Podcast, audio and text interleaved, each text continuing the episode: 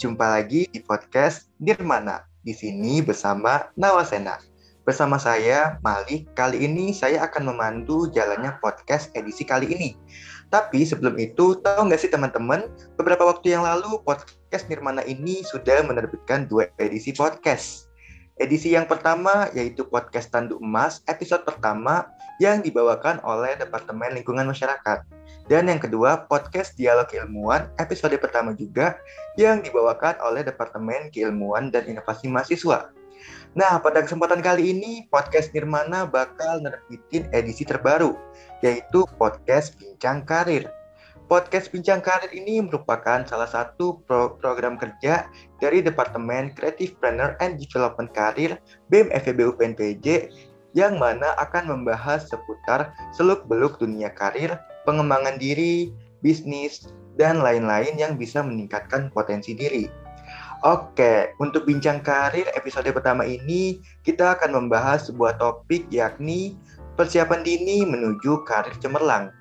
Nah, seperti nama edisi podcast ini yaitu bincang karir, tentunya di sini saya nggak sendiri karena saya sudah ditemani oleh seorang narasumber hebat yang berasal dari salah satu perusahaan terkenal. Oke, kalau gitu langsung aja saya sapa. Ini dia narasumber kita kali ini, Ibu Agnes Cinta Adimulya yang berprofesi sebagai Finance Manager di PT Indowan Citra Abadi. Halo Ibu, apa kabar Ibu? Baik, Malik. Apa kabar juga? Kabar baik Ibu. Kalau boleh tahu nih Bu, kesibukan sekarang yang sedang dijalani apa ya Bu? Sekarang saya tuh uh, bekerja di salah satu perusahaan swasta di Jakarta yaitu PT Indowan Citra Abadi. Nah, di situ saya kebetulan dipercaya oleh pemiliknya sebagai manajer finance, accounting dan tax juga. Jadi uh, ya bertanggung jawab atas uh, segala bentuk kegiatan keuangan dan uh, pencatatan dan juga bertanggung jawab pada perpajakannya ya kurang lebih seperti itu. Wah, berarti berkutat di dunia keuangan perusahaan ya Ibu ya? Betul, betul. Kalau secara karir ya saya memang di bidang itu. Oke, baik Ibu. Mungkin supaya lebih santai, boleh kali ya Ibu di sini kita sebagai tempat sharing aja antara saya Ibu tentang dunia karir ya Bu. Betul. Oke, jadi uh, nanti saya akan memberi memberikan beberapa pertanyaan yang mungkin sekiranya bisa Ibu berikan jawaban Ibu supaya para pendengar podcast ini khususnya dari mahasiswa FEB UPN Veteran Jakarta mendapatkan insight yang berharga dan bermanfaat juga nih Bu bagi mereka dalam mempersiapkan diri menuju karir yang cemerlang. Oke, okay, terima kasih uh, banget ya Malik ya saya udah dipercaya dan udah diberikan kesempatan untuk sharing dengan para mahasiswa Iya Ibu, betul. Terima kasih juga Ibu sebelumnya. Oke, uh, baik Ibu. Mungkin untuk yang pertama ini uh, boleh kali ya Ibu, saya, saya persilakan kepada Ibu untuk perkenalan diri kepada para pendengar podcast Bincang Karir ini Ibu. Silakan Ibu. Oke, para pendengar podcast uh, yang sedang mendengarkan ini, saya adalah uh, saya lulusan dari Universitas Parahyangan Bandung. Saya tuh, aduh, saya agak malu juga nih ya, soalnya saya angkatannya udah tua banget nih. Saya itu masuk kuliah itu angkatan 1997. Kemudian saya di Bandung eh, lulus waktu itu tahun 2001 saya lulus. Kemudian saya mulai karir saya di eh, sebuah perusahaan akuntan publik yang terkenal yaitu uh, Arthur Anderson ya mungkin bahasa Indonesia-nya Prasetyo Utomo Co. Waktu itu saya kerja sebagai junior auditor. Kemudian uh, setelah uh, beberapa waktu di situ uh, saya pindah ke Bandung. Pindah ke Bandung itu dalam rangka menikah nih. Menikah uh, saya men, uh, memulai karir di Bandung uh, ya awalnya sih mulai dari staff karena kan uh, semua semua karir itu dimulai dari yang paling rendah ya maksudnya uh, karena saya memang uh, tidak ada background um, koneksi atau apa pun. Jadi saya benar-benar mulai dari awal. Kemudian uh, naik uh, karir, uh, karirnya meningkat lagi, jabatannya pun meningkat dan akhirnya tahun 2012 saya kembali ke Jakarta karena suami dipindah tugaskan ke Jakarta. Jadi saya mulai karir saya di Jakarta di tahun 2012 sampai akhirnya pada hari ini saya menjabat sebagai uh, manajer keuangan dan accounting di PT Indo Indowan ini. Kira-kira gitu perkenalannya. Saya adalah sebagai tambahan ya supaya kita agak uh, santai gitu ya. Uh, saya punya hobi, hmm, saya sempat belajar rias pengantin juga sebagai makeup artist juga. Kemudian anak saya ada dua, uh, putri semuanya, hmm, dan mereka sudah besar-besar, umur uh, 12 dan umur 16. Uh, ya uh, sekarang ini saya sangat menikmati karir saya di uh, Indowan ini. Mungkin itu aja Malik. Ada yang mau ditanyain lagi? saya harap cukup ya. Oke, baik Ibu. Berarti karena tadi Ibu barusan perkenalan, kalau gitu saya ucapkan salam kenal ya Ibu. Iya, Malik. Oke, wah ini kalau tadi saya dengar karirnya Ibu Agnes ini benar-benar uh, merintis dari nol ya Bu ya? Dari lulus uh, dari Pahrayangan kemudian sebagai junior auditor. Sampai sekarang juga punya sampingan sebagai rias pengantin juga ya Bu ya?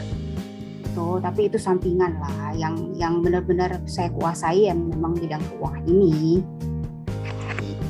Oke baik Ibu. Uh, tadi uh, kalau gitu jurusan perkuliahan Ibu ini apa ya Bu kalau boleh tahu?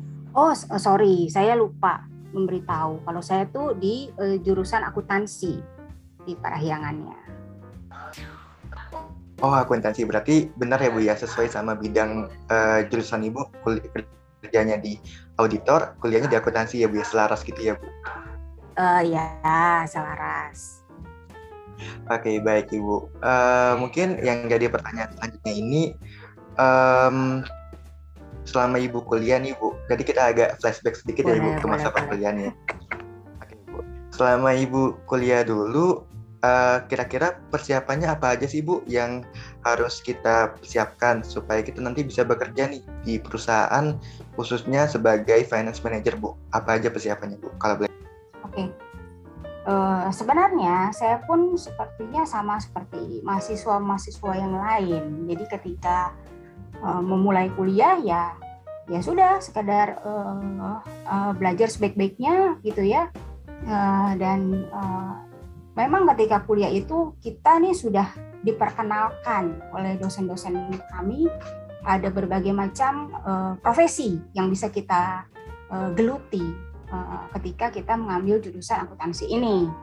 Kemudian uh, kampus kami juga waktu itu uh, ada uh, masa rekrutmen. Jadi dari pihak uh, accounting publiknya itu merekrut secara massal bagi mahasiswa di semester-semester akhir, misalnya semester 7, semester 8 gitu ya.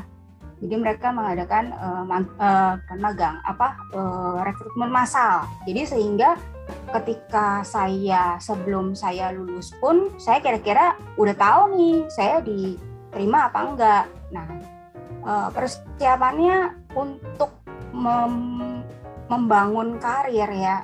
Uh, sebenarnya sih klise tapi ya udah belajar sebaik-baiknya gitu. Dan sebelum kalian masuk dunia kerja kalian harus tahu dulu kalian mengambil uh, apa uh, majoringnya uh, jurusannya itu profesi-profesi uh, apa yang kira-kira uh, bisa diambil gitu. Jadi uh, tidak perlu yang muluk-muluk tapi kalian bisa uh, meniti karir kalian gitu sih. Kalau kalau saya dulu begitu. Jadi saya tahu dulu nih kalau jurusan akunting akuntansi itu nantinya bisa jadi apa aja nih gitu. Kira-kira gitu Mali. Wah keren banget ya berarti dulu ketika kuliah tuh ya yang pertama itu kayak kita cari tahu dulu ya bu ya. Nanti ketika lulus kan saya mau jadi apa sih bu gitu ya Bu ya. Betul dan uh, itu juga uh, banyak sekali uh, masukan kan? Kalau kita sedang kuliah itu dari dosen pembimbing mungkin dari senior senior alumni yang main ke kampus kan suka banyak tuh.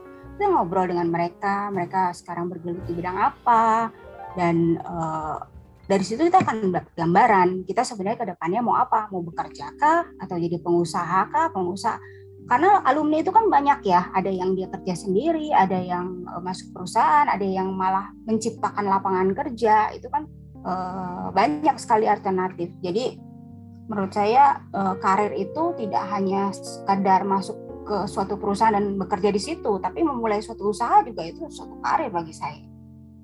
Kira-kira gitu. Wah, ini menarik nih Bu. Saya suka sama kalimat terakhir Bu tadi kalau memulai karir itu nggak hanya bekerja di suatu perusahaan, tapi juga mulai usaha juga ya Bu ya. Uh. Oke, baik kalau begitu uh, saya udah dapat nih Bu kayak insight kalau misalnya memulai karir sejak kuliah itu seperti apa saya udah dapat nih Bu. Nah kalau selanjutnya ini mungkin pertanyaannya agak lebih spesifik kali ya Bu ya tentang profesi yang kita tekuni sekarang. Iya, apa tuh? Oke, okay. uh, kalau boleh tahu nih Bu, uh, kalau misalnya saya lebih tahu banyak nih tentang gambaran bagaimana sih Bu kerja sebagai finance manager di suatu perusahaan itu kayak gimana kerjanya lalu apa aja sih yang dilakuin sama finance manager ini Bu? Oke, okay. uh, eh, finance manager, manager itu apa sih? To manage ya bahasa Inggrisnya kalau nggak salah. To manage itu adalah untuk mengatur. Nah, uh, seharusnya dan sebaiknya seorang manajer itu pernah menjalani menjadi seorang staff atau bawahan. Sehingga dia bisa mengatur. Kalau dia belum pernah menjadi seorang staff pasti dia bingung nih yang diatur apa ya gitu loh. Karena uh, manajer itu uh, yang benar-benar teknis yang saya kerjakan adalah setiap harinya saya akan melihat perputaran uang atau bahasa kerennya cash flow arus uang seperti apa. Karena saya ini bekerja di Indowan ini adalah sebuah holding. Jadi istilahnya holding ini adalah membawahi perusahaan-perusahaan lain. Jadi kurang lebih ada empat perusahaan di bawah saya. Nah itu uh, saya harus memanage uh, jadi perusahaan di bawah ini kurang uang apa enggak? Kalau kurang uang harus minjem ke bank apa enggak? Saya harus urusin apakah eh, bank mana yang penawarannya bunganya paling baik paling hemat gitu ya. Terus kemudian setelah mengurus arus uang juga kewajiban-kewajiban pelaporan. Jadi pada akhir bulan pasti teman-teman mahasiswa juga e, ngerti yang namanya closing ya, closing apalagi orang akuntansi ya, anak akuntansi pasti tahu closing bulanan, closing tahunan apalagi. Nah, itu juga yang harus saya manage supaya nanti ketika akhir bulan staff-staff di bawah saya ini menginput data tidak terlambat. Jadi istilahnya tidak backdate ya. Jadi dia semuanya on time sehingga ketika saya mau closing itu uh, semua data udah ready gitu. Demikian juga dengan mengontrol semua pelaporan perpajakan. Karena perpajakan kan macam-macam. Ada yang dilakukan tanggal 20, ada yang dilakukan tanggal 30, terus pembayarannya, pembayarannya juga hmm, banyak hal. Misalnya kalau uh, pembayaran yang berupa utility perusahaan, misalnya listrik, uh, telepon, internet, itu harus dibayar tanggal berapa. Nah, saya harus kontrol itu, jangan sampai terjadi suatu pemborosan yang tidak perlu. Misalnya, kalau misalnya bayar pajaknya terlambat, berarti kan ada denda tuh yang harus dibayar, kayak gitu. Jadi mm, intinya saya membuat uh, tim saya, tim accounting and finance ini bisa bekerja dengan baik nyaman dan semua target uh, time limitnya itu uh, tidak terlambat gitu loh. Semuanya sesuai dengan uh, ketentuan yang sudah diketahui sebelumnya. Kira kira-kira begitu. Jadi uh, saya nggak uh, sebenarnya seorang manajer itu tidak mengerjakan pekerjaan yang istilahnya clerical work ya. Istilahnya administrasi gitu enggak. Dia cuma uh, mengontrol memastikan gitu loh. Tentu ini akan jauh lebih sulit dibandingkan orang yang mengerjakan. Kadang orang mengerjakan nggak ngeh dan nggak sadar kalau dia tuh salah gitu loh. Ketika diperiksa sama saya, eh kamu kok salah nih, kelebihan nol misalnya. Nah itu itu salah satu uh, secara teknis yang dilakukan saya sebagai finance manager. Kira-kira begitu, Malik. Wah, kalau yang saya dengar tadi berarti emang tanggung jawabnya ini tuh nggak apa ya, nggak main-main ya Bu ya, karena seperti yang disampaikan tadi, kalau manajer ini tuh dia harus mengoreksi ya Bu ya, atau kayak bahasanya tuh lebih ke mengawasi. Ada nggak sih yang salah dari pekerjaan staffnya gitu ya Bu ya? Betul, dan juga uh, salah satu tugas lagi dari manajer keuangan adalah dia harus uh, menganalisa. Misalnya nih, oh kenapa ya kok uh, tagihan listrik tiba-tiba melonjak? Atau jangan tagihan listrik deh, misalnya uh, biaya angkutan barang kan kita mendelivery barang kita pakai mobil ya. Mobil itu kan ada biaya bensin, tol, parkir, dan lain-lain. Kok meningkat nih? Kenapa meningkat? misalnya dia harus analisa oh karena memang penjualannya tinggi jadi si mobil mondar mandir mondar mandir jadi si bensin akan tinggi juga kalau misalnya terjadi anomali pesanannya istilahnya salesnya penjualannya biasa-biasa aja. Tapi kok biaya angkutannya biaya bensinnya naik? Maka dia harus apa? Dia harus konfirmasi konfirmasi ke bagian delivery. Kenapa? Apa yang terjadi? Nah, itu tugas salah satu uh, yang uh, lebih ditekankan, ditekankan di posisi manajer. Jadi kalau misalnya uh, belum sampai ke karir uh, manajer, mungkin di uh, bagian keuangan aja lah gitu. Dia nyatet aja ya, dia dia dia nggak mengerti, bukan nggak mengerti, istilahnya dia tidak melihat the big picture-nya, the the helicopter view lah kalau kita bilang. Jadi saya tuh melihat dari atas gitu loh. Oh, ini kok gini ini kita pertanyakan dan juga memberikan saran-saran strategis kepada owner. Misalnya Pak, kayaknya perusahaan ini udah profit besar gitu. Jadi kita harus uh, beli lagi nih satu mobil supaya uh, angkutannya bisa lebih cepat terdelivery ke customer misalnya. Jadi uh, strategis-strategis uh, isu yang bisa saya raise ke ke owner itu berdasarkan data-data yang uh, saya lihat terkumpul di masing-masing uh, perusahaan yang dihandle uh, gitu.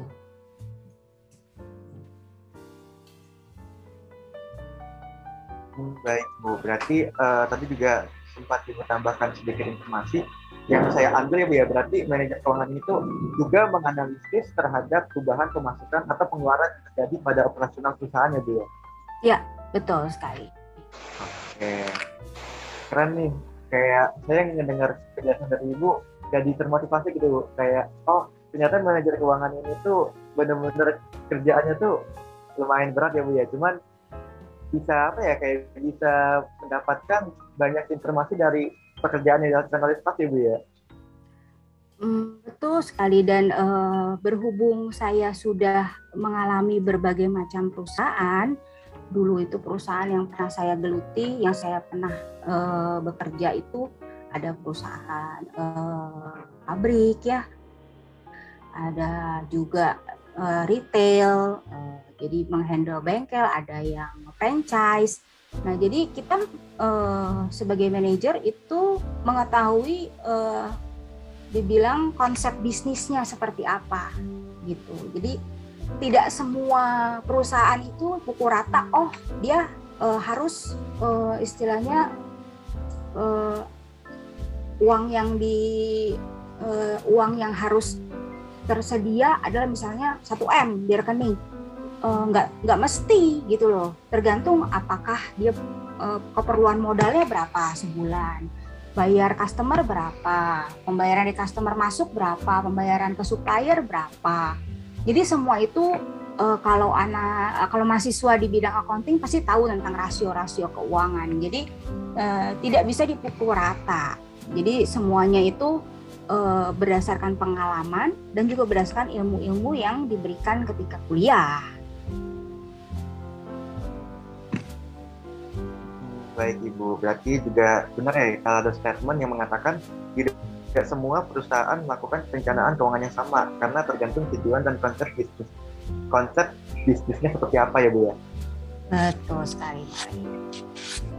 Oke, baik Ibu. Mungkin uh, sudah cukup jelas nih Bu tentang manajer keuangan. Nah, pertanyaan selanjutnya ini mungkin ada kaitannya lagi, tapi sedikit berbeda nih Bu. Kalau menurut Ibu sendiri, uh, bagaimana sih Bu jenjang karir untuk profesi finance manager ke depannya? Oke, jenjang karir untuk finance manager ke depannya. Uh, ini tergantung perusahaannya jadi kalau saya boleh bilang eh, perusahaan itu kan ada perusahaan besar, ada perusahaan yang kecil. Perusahaan kecil ini dalam artian perusahaan keluarga ya.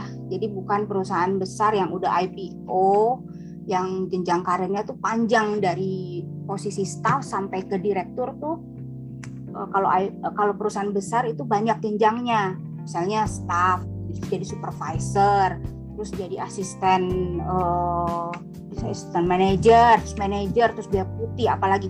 Tapi kalau perusahaan kecil dia nggak ada jenjang begitu bertingkat ya. Dia mungkin dari dari uh, dari staff uh, supervisor terus langsung manajer terus langsung owner. Nah nggak mungkin dong si accounting manager ini naik makat jadi owner. Jadi uh, saya sih lebih melihat gimana jenjang karir si finance manager ini nih tergantung finance manajernya kalau misalnya dia mempersenjatai mengupdate terus ilmu-ilmu manajerial dan ilmu-ilmu keuangan yang sekarang diupdate. Misalnya ada aturan baru misalnya ada PSAK baru ada undang-undang perpajakan baru dia terus mengupdate. Dia akan membawa perusahaan ini ke next level. Dia akan bisa memberikan uh, suggest uh, usul-usul kepada owner untuk memperbesar usahanya atau malah pindah perusahaan. Pindahlah ke perusahaan yang lebih besar. Istilahnya kalau jadilah uh, misalnya kamu ada di perusahaan di kolam nih, sekarang kamu pindah ke laut. Kamu lebih besar kan kesempatannya kan? Mungkin jadi di laut kamu uh, bisa nanti naik lagi jadi uh, jadi direktur keuangan mungkin I don't know mungkin seperti itu jadi uh, kalau misalnya Malik tanya saya bagaimana prospek karir di sebagai manajer keuangan? Ya tergantung diri sendiri. Mau bagaimana? Mau di situ kamu perbesar perbesarlah kolam kamu perbesarlah perusahaan kamu dengan kamu memberikan strategi-strategi kepada uh, owner untuk menjadikan perusahaan kamu lebih besar atau kamu pindahlah ke perusahaan besar sehingga kamu bisa berkreasi di sana berkarya lebih baik lagi itu menurut saya. Oh, oh baik ibu. Berarti tergantung diri kita lagi ya bu ya. Jadi kalau misalnya kita pengen tetap stay di perusahaan yang sama tapi kita harus tahu nih kita ingin bikin yang lebih besar seperti apa di perusahaan itu. Atau kalau misalnya ingin pindah ke tempat perusahaan lain tuh kita juga harus tahu nggak sih bu kita mau apa gitu di perusahaan lain ya bu ya? Betul. Jadi uh, kalau menurut saya tidak ada aturan baku oh bagaimana cara meniti karir yang baik? Baik itu bagi siapa? Tentu bagi diri sendiri. Kalau punya uh, punya jabatan tinggi tapi kamu tidak enjoy pulang malam terus keluarga nggak keurus itu kan tidak enjoy berarti kan? Berarti untuk siapa kerjanya? Gitu loh. Apakah kamu mau karir uh, tapi keluarga berantakan? Itu juga uh, menurut saya sih kurang baik. Jadi apa yang kamu cari? Itu paling penting. Menjenjang me, mengatur karir kamu mau sampai mana itu awalnya pasti pertanyaannya kalau menurut saya kamu mau ke mana? Gitu. Jadi jangan sampai ketika kamu sudah naik ke tingkat yang paling tinggi ternyata setelah ditanya tinggi kamu bilang ini bukan saya, yang saya cari tuh. Saya nggak senang di sini. Wah kan e, membuang waktu karena waktu itu tidak akan bisa kembali ya itu sih yang saya mau ingetin ke teman-teman mahasiswa jangan buang waktu kalau misalnya emang mau ke sana lakukan tapi kalau misalnya bukan itu yang kamu cari lebih baik kamu lakukan apa yang kamu mau Nah, apa yang orang zaman sekarang bilang follow your passion. Passionnya di mana? Ya gitu. Wah, baik Ibu. Ini udah seperti tamparan ya Bu buat saya. Karena Ibu, apa yang kamu cari? Mau ke mana sih gitu ya Bu ya? Ya, betul. Oke, baik Ibu. Ini bisa jadi pelajaran juga buat saya sama teman-teman lain yang mendengarkan podcast ini. Oke, uh, mungkin pertanyaan selanjutnya ini setelah kita tahu prospek kerja dari finance manager ini seperti apa, udah tahu juga finance manager ini kayak gimana. Nah, yang jadi pertanyaan berikutnya ini, Bu, uh, kan mungkin ibu sudah cukup ini ya tahu asam garamnya dari lingkungan pekerjaan. Nah kalau menurut ibu sendiri itu bagaimana sih bu lingkungan kerja yang sebenarnya itu seperti apa? Apakah sangat berbeda dengan kuliah atau uh, ada kesamaan gitu kayak dengan perkuliahan? Menurut ibu itu kayak gimana? Oke, okay. uh, eh, kita uh, sekarang bicara perbedaan antara kuliah sama kerja ya. Kalau di kuliah ada reward dan punishment. Di kerja juga ada reward dan punishmentnya. Kalau di kuliah, rewardnya kamu dapat nilai bagus, ya kan? Terus kalau di uh, punishmentnya apa? Paling kamu nggak lulus, harus ngulang lagi. Kalau di dunia kerja tidak begitu. Rewardnya apa? Rewardnya di dunia kerja, mungkin kamu akan naik jabatan, berefek nanti ke naik gaji. Punishmentnya apa? Punishmentnya kalau bikin kesalahan ya bisa ya paling paling uh, soft ya dimarahin gitu ya. Tapi kalau paling uh, parahnya adalah ya bisa dikeluarkan di PHK kehilangan pekerjaan itu punishment. Terus perbedaannya lagi kalau di persaingan. Nah persaingan di perkuliahan paling apa sih the worst come to worstnya apa sih? Paling nggak temenan gitu ya. Paling nggak eh, nggak uh, nggak nyaman kuliahnya karena ada dia nih gitu uh, musuh nih gitu kan. Tapi kalau di dunia kerja ada yang namanya office politik.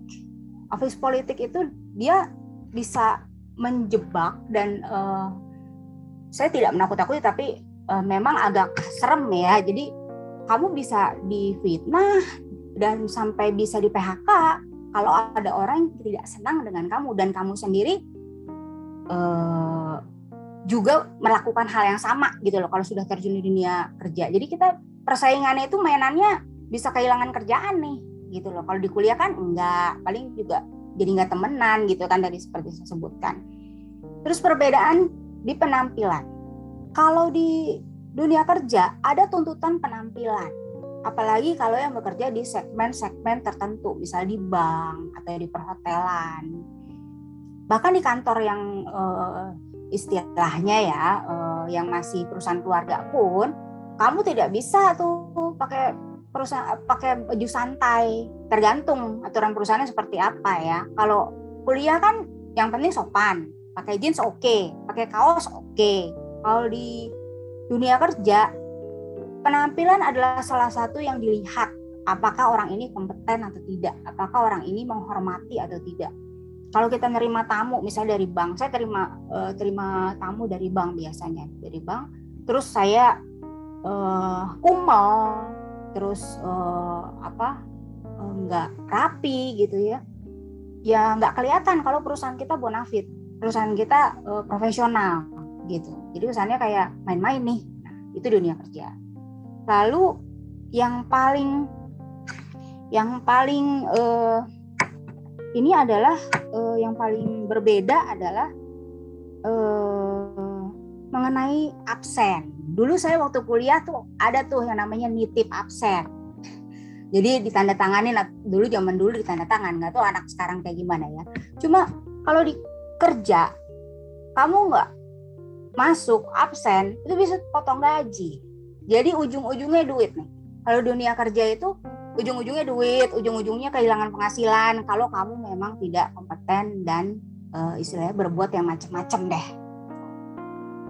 Lain halnya dengan kuliah. Kalau kuliah ya paling jelek eh, nggak uh, lulus, terus nggak punya temen, gitu kan. Jadi uh, kalau dunia kerja itu lebih ke masalah penghasilan dan kelangsungan pekerjaan. Itu sih menurut saya perbedaan antara dunia kerja dan uh, pada saat kuliah ya, pada saat jadi mahasiswa.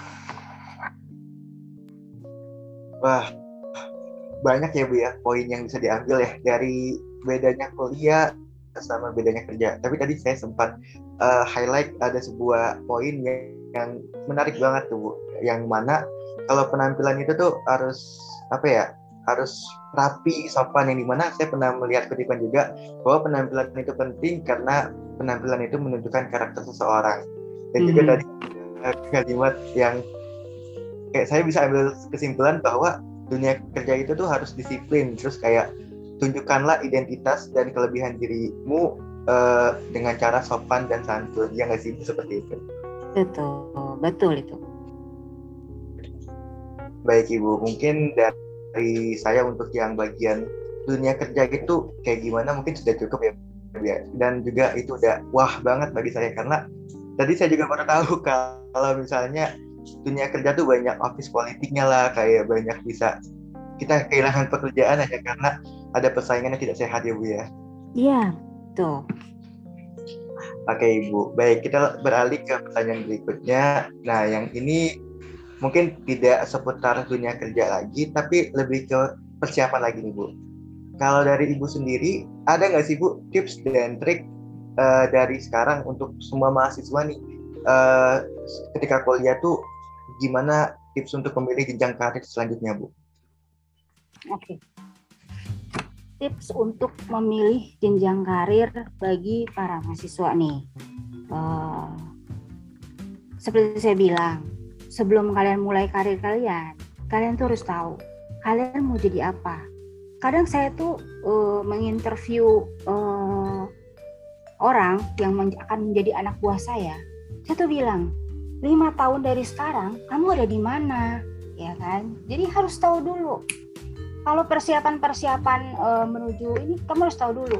Misalnya, oh saya kepingin kerja di perusahaan besar yang sudah go public, sudah terkenal, maka apa yang kamu harus persiapkan? Siap mental, karena kamu akan berada di strata paling bawah, which is apa? Kamu harus ngerjain hal-hal remeh-temeh walaupun kamu sudah sarjana. Mungkin kamu satu bulan pertama cuma disuruh apa? Fotokopi doang.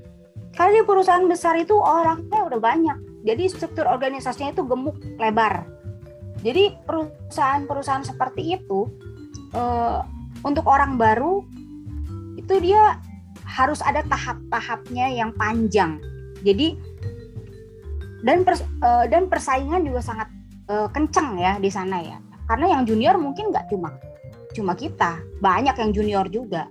Dan senior di sana itu istilahnya senior tuh bukannya owner ya, senior itu juga pekerja juga. Jadi kamu juga ketika kerja di perusahaan besar itu kesempatan untuk belajar sebanyak-banyaknya uh, ilmu senior.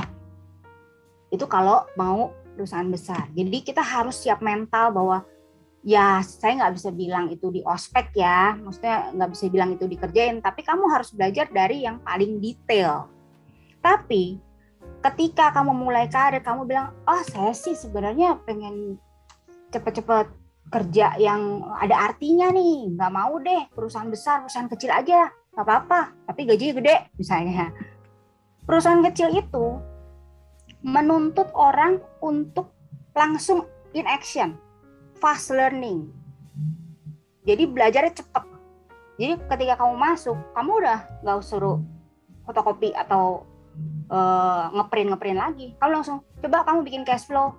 Coba kamu nginput di e-banking gitu. Itu kan suatu pekerjaan yang istilahnya punya tanggung jawab kalau salah, aduh, ada risikonya nih gitu kan. Coba kamu sekarang uh, terimain duit dari uh, customer misalnya. Kalau misalnya perusahaannya uh, bergerak di bidang uh, distributor misalnya, ada sales yang tiap hari harus uh, bawa uang dan kamu harus terimain, berarti kan kamu harus megang uang.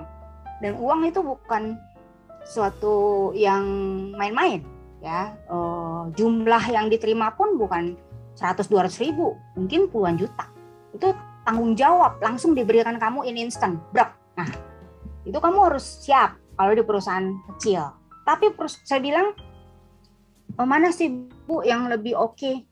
Kalau perusahaan kecil kamu kayak makan Indomie. Jadi langsung sorry ya, saya nyebut nama nih, jangan nyebut merek. Jadi uh, langsung harus bisa gitu loh. Uh, lebih cepat bisanya. Jadi tapi secara karir dan uh, tanggapan orang-orang di luar, kamu ya perusahaannya kecil. Gitu. Jadi beda dengan yang kerja di perusahaan besar. Perusahaan besar mungkin pekerjaan lebih gampang. Tapi ya gajinya juga terbatas dan uh, yang dikerjakan juga hmm, lebih gampang-gampang dulu pada awalnya. Nanti ketika naik naik naik naik, nah baru tuh di perusahaan besar memang gaji mengikuti ya. Sedangkan yang kalau tadi saya bilang di perusahaan kecil, kamu dipaksa harus bisa hal yang penting.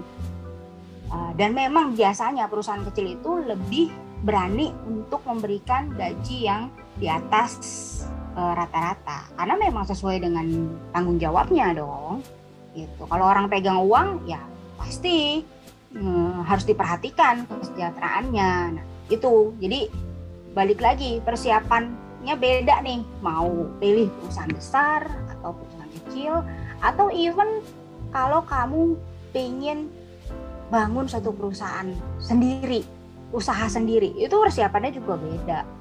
Tentu ada kan survei-survei terus eh, sekarang kan banyak ya eh, teman-teman saya mahasiswa ini yang sangat kreatif sehingga mereka bisa membuka lapangan kerja eh, which is itu eh, saya tidak ada pengalaman karena saya dari lulus itu langsung masuk ke dunia kerja yang kerja di perusahaan bukan buka lapangan kerja sendiri makanya uh, mungkin next time ada narasumber yang lebih uh, kompeten untuk itu. Jadi saya uh, sekarang memberikan uh, masukan bahwa ya tergantung kalian mau perusahaan besar ya berarti siap sedia untuk uh, membangun karir dari dari pekerjaan yang remeh-temeh tapi nanti ke depannya akan jauh lebih baik ketika sudah mencapai uh, level jabatan yang lebih tinggi. Tapi kalau di perusahaan kecil kalian akan cepat pintar.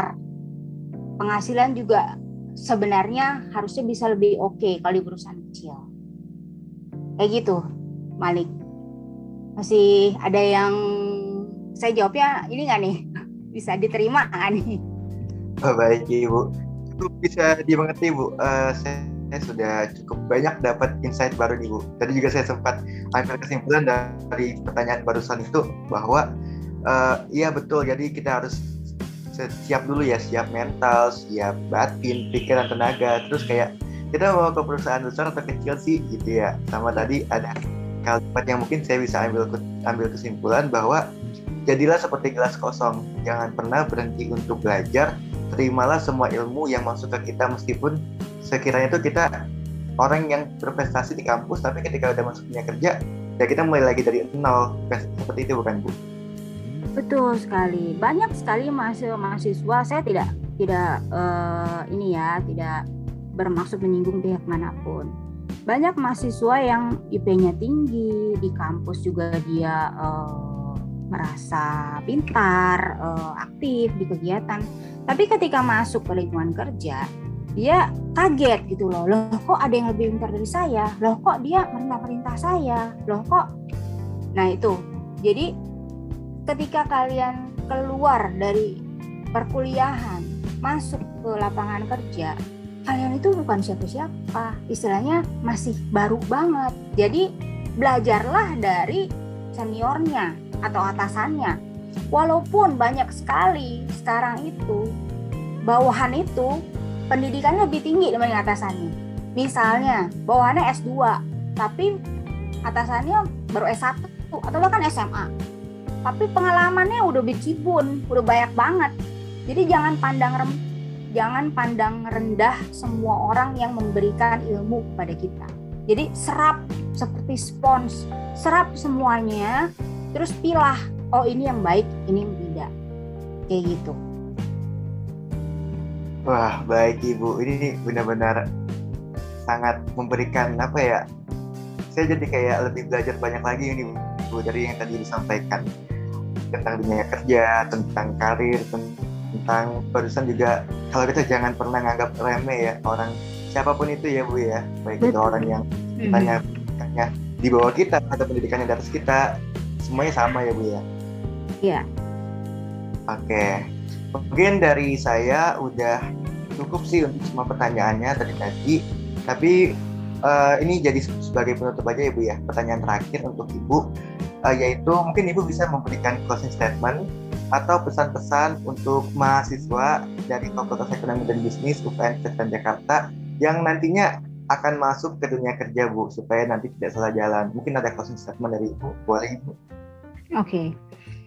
uh, eh, saya sangat senang sekali hari ini sudah uh, berbagi dengan uh, teman-teman mahasiswa semua. Uh, yang pesan saya adalah pertama kali dan terakhir kapan pun kamu ingin memulai sesuatu, kamu harus tanya kepada diri kamu sendiri, kamu inginnya apa, kamu senangnya apa. Karena membangun karir itu uh, sesuatu yang menentukan hidup kamu ke depan. Jadi mau jadi apa kamu itu ya kamu sendiri yang bisa jawab. Jadi belajar sebaik-baiknya.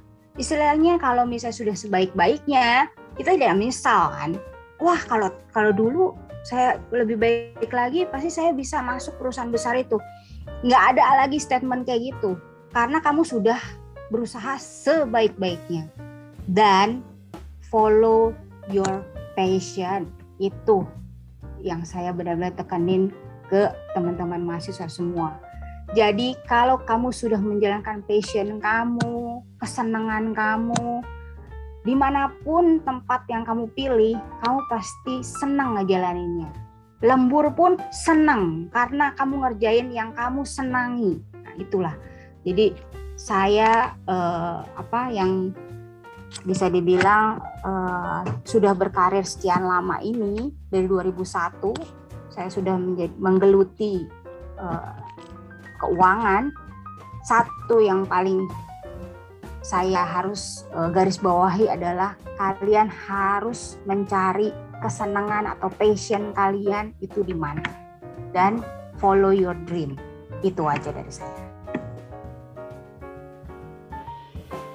Wah, baik. Ini benar-benar suatu kebanggaan ya saya bisa mendengar tadi uh, kata-kata mutiara dari ibu, statement dari ibu, follow your passion terus uh, raihlah mimpimu juga ya Bu ya.